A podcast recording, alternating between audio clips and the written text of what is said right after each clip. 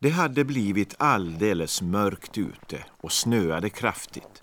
Scrooge och anden fortsatte framåt gatorna och såg i fönstren hur det fladdrade av ljusen från brasorna i kök och salonger och alla möjliga rum.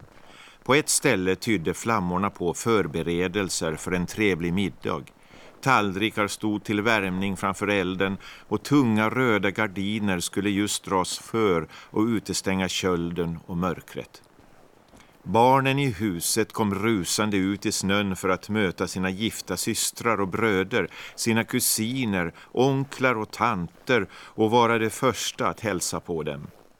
På ett annat ställe syntes mot rullgardinen skuggorna av gäster som samlades på ett tredje ställe kom en flock vackra flickor i huvor och botiner ut genom porten och trippade under skratt och prat bort till något grannhus. Och ved den stackars ungkar som såg de små förtrollerskorna stiga in där med blossande kinder och det visste det minsann. Om man skulle döma efter en massa människor som var på väg till trevliga samkväm kunde man nästan tro att ingen var hemma för att ta emot dem när de kom fram. Men i själva verket väntade varenda hem på gäster och eldade så att det dånade i skorstenarna. Vad anden gladde sig åt allt detta. Han blottade sitt breda bröst och öppnade sina väldiga händer och strödde givmilt omkring sig en ljus och oskyldig glädje över allt som kom i hans närhet. Själve lykttändaren som skyndade före dem och prickade de mörka gatorna med sina ljusfläckar och som hade klätt sig söndagsklädd för att sedan gå och fira julen någonstans skrattade högt när anden gick förbi fastän han föga anade att han hade något annat sällskap än julen.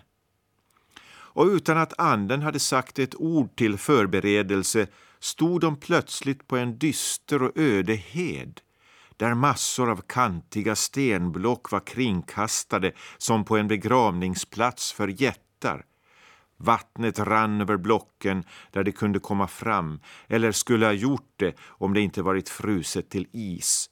Och ingenting annat växte än mossa och gultörne och strävt grovt gräs. Längst bort i väster hade den nedgående solen lämnat kvar en dyster röd strimma som ett ögonblick skådade ut över förödelsen som ett bistert öga och därpå sjönk allt djupare tills den försvann i den mörka, hemska natten. Vad är detta för plats? frågade Scrooge. Det är en plats där gruvarbetare bor, folk som arbetar i jordens innandömen, svarade anden. Men de känner mig. Se, ett ljus glimmade i fönstret på en liten koja. De närmade sig skyndsamt, passerade genom väggen av lera och sten och befann sig i ett muntert lag som var samlat kring en flammande brasa. Där satt ett gammalt par med barn och barnbarn och barnbarns barn, alla i sina bästa kläder. Den gamle mannen sjöng en julsång för dem med en röst som sällan höjde sig över vindens tjut på den vida ödemarken. Det var en sång som hade varit gammal redan när han var pojke och då och då stämde alla in i kören. Så ofta de höjde sina röster livades också den gamle upp och så snart de tystnade sjönk åter hans kraft. Anden dröjde inte länge på detta ställe utan bad Scrooge fatta tag i hans mantel och skyndade bort över heden. Vart? Inte till havet väl? Jo, till havet.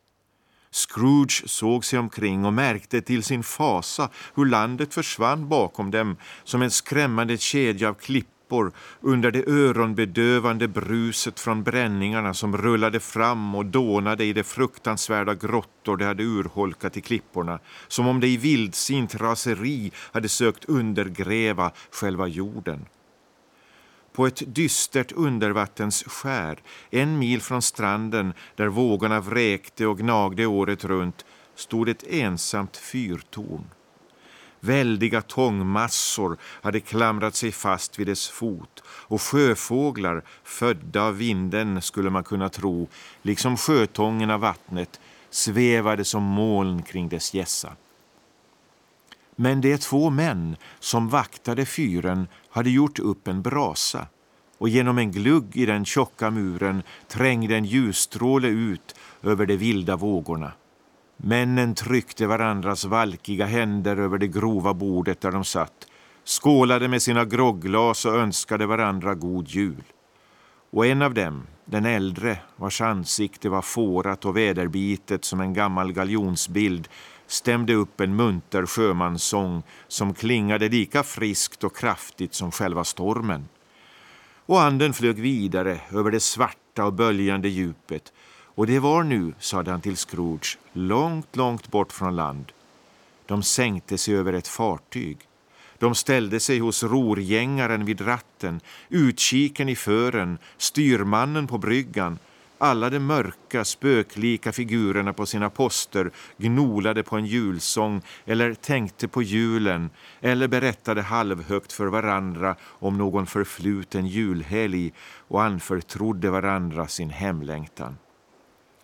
Och varje man ombord, vakande eller sovande, god eller ond, hade den dagen haft ett vänligare ord för sina kamrater än på någon annan dag under året. Han hade deltagit lite i julglädjen och erinrat sig sina kära som var långt borta och känt att de tyckte om att tänka på honom.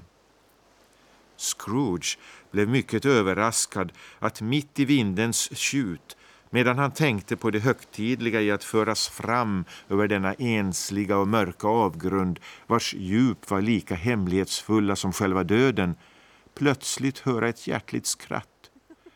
Och det var en ännu större överraskning för honom att känna igen sin egen systersons skratt och finna sig stå i ett ljust och torrt och trevligt rum med anden leende vid sin sida och betrakta samme systerson med gillande välvilja.